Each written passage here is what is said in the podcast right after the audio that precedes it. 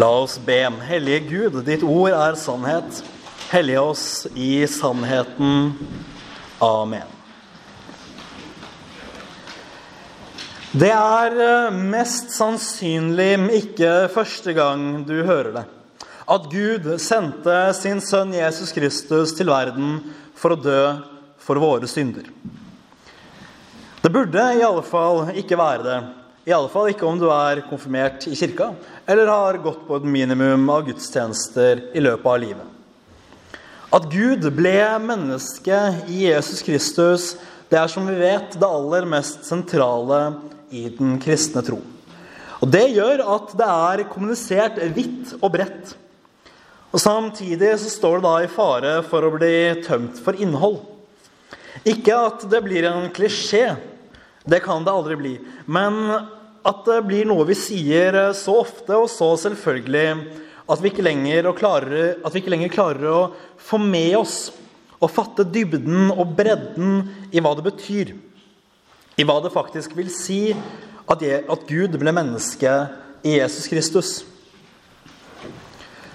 For Johannes 3, og særlig vers 16, som vi innledet med å lese nå, det må jo kunne sies å være den absolutt, mest kjente delen av Bibelen. Det er det første mange kristne lærer utenat.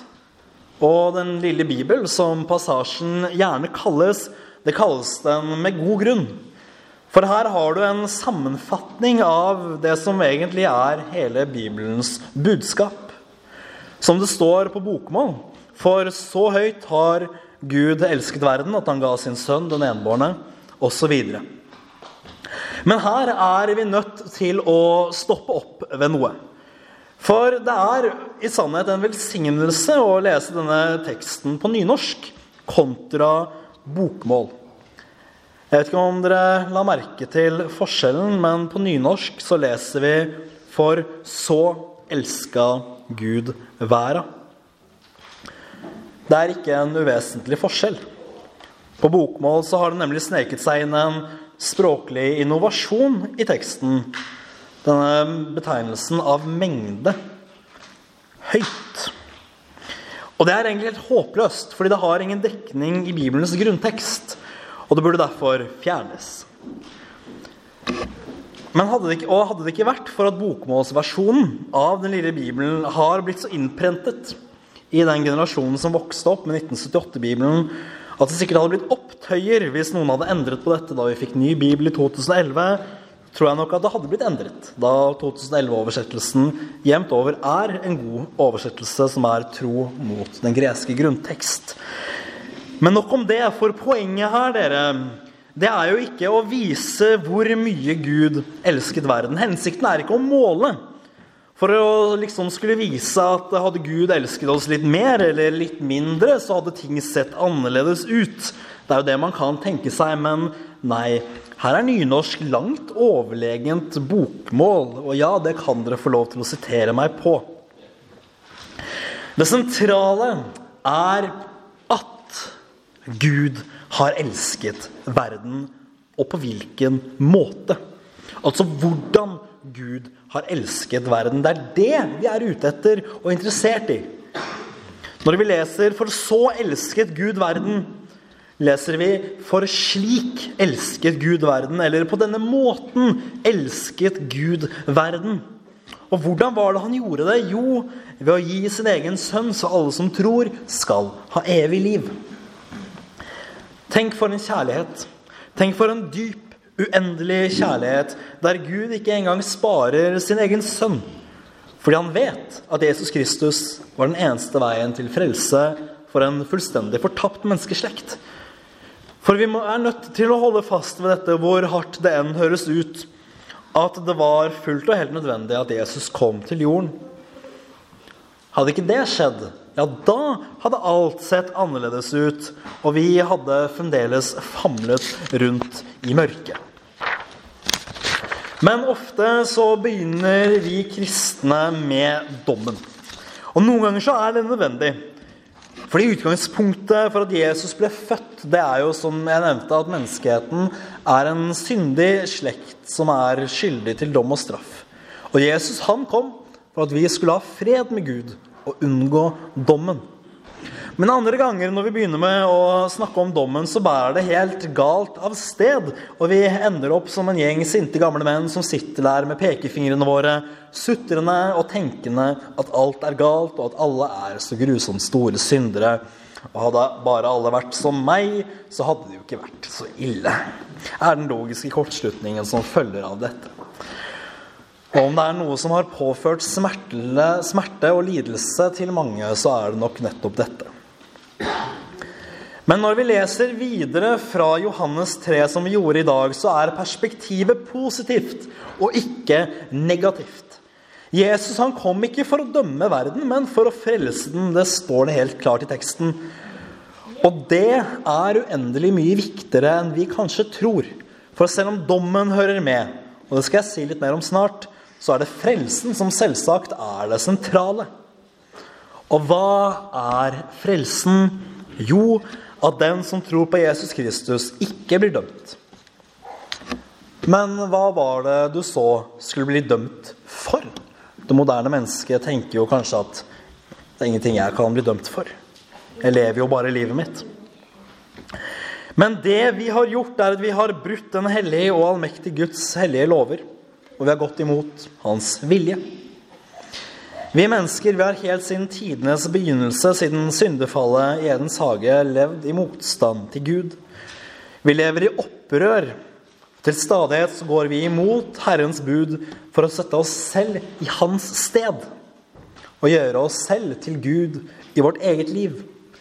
Vi vil ha tronen, og vi vil ha æren, og vi vil ha makten for oss selv. Dette er det som gjør at vi kalles syndere.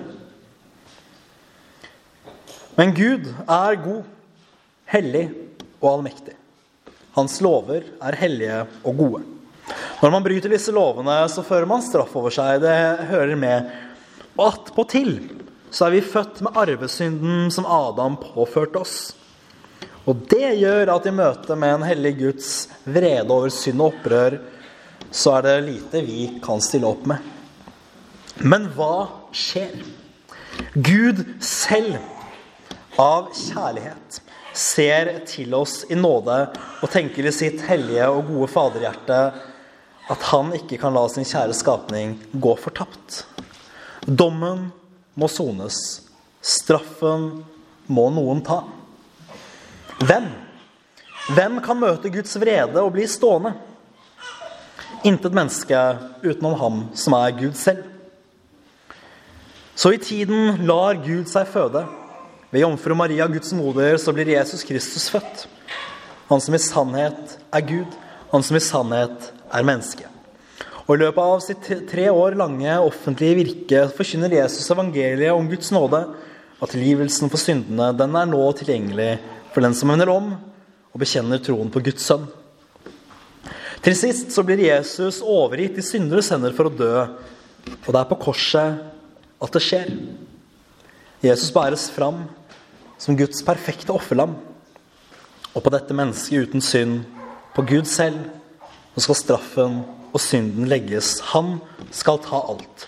Han har det som skal til for å møte Guds vrede og bli stående. Og når han står opp igjen fra graven de legger han i, da er seieren komplett og døden overvunnet. Men viktigst av alt, på korset så ble den straffen vi skulle ha, sonet og tilfredsstilt. Og vi får nå fred med Gud.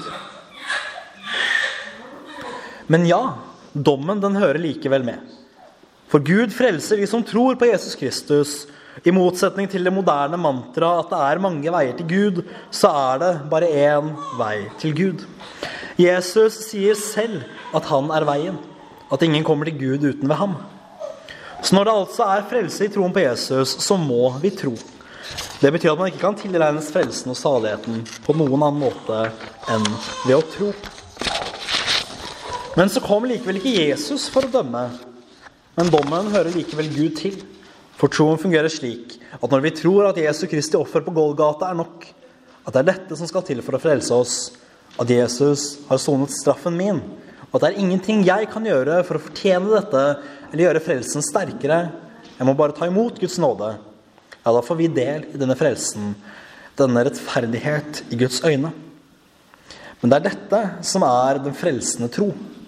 Det er denne tro vi døper barna våre til, og det er denne tro ungdommene våre konfirmeres til. Det kan være vanskelig noen ganger å nå fram til dette. Og vi må være klar over at vi kan ikke klare dette heller av vår egen kraft. Og at det er Gud som skaper troen i våre hjerter. Men som mennesker så har vi nå en gang en fri vilje, og den frie viljen den kan dra oss i begge retninger. Vi mennesker vi har det i oss å gjøre godt, og også å gjøre vondt.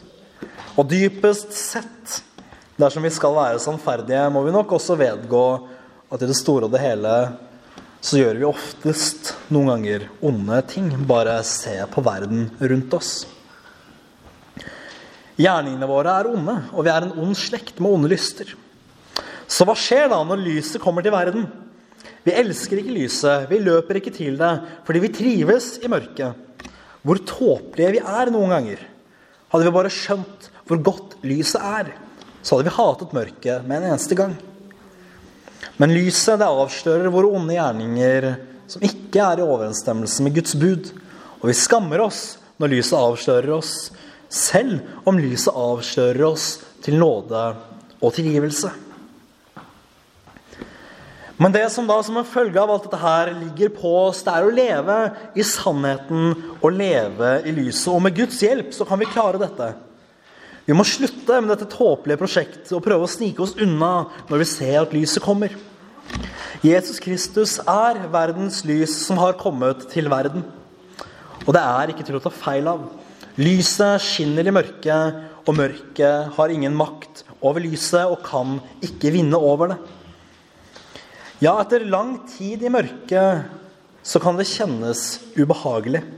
Det er som når man etter en lang tid i et mørkt rom går ut i strålende sol og kjenner solens varme og dens lys, men likevel blir overveldet fordi den skinner så sterkt, og vi blir blendet og klarer ikke å se. Det er klart at det er ubehagelig. Slik er det også når en synder for første gang står i den hellige Guds nærhet. Han vil ikke skjønne hva det er som skjer, annet enn at det er et sterkt lys som blender og lyser opp. Og avdekker hele hans vesen og person, og også hans gjerninger og hans synd. Men når dette skjer, så må vi ikke fortvile. Selv om mennesker rundt oss kanskje blir forferdet over den synd som avdekkes når vi vender om og bekjenner våre synder. Men vi må ikke fortvile, for kun det som avdekkes, kan tilgis. Det vi prøver å holde skjult, det holdes skjult så lenge vi klarer, ofte med stor smerte. Men før eller siden så vil Guds hellige lys avdekke alt. Og jo før vi vender om og angrer våre synder, jo bedre blir det. Og vi må holde fast ved dette ene, at alltid kan vi vite at tilgivelsen er tilgjengelig. For er det to ting jeg vil trekke fram som kjennetegner Gud, så er det at han er nåde og kjærlighet.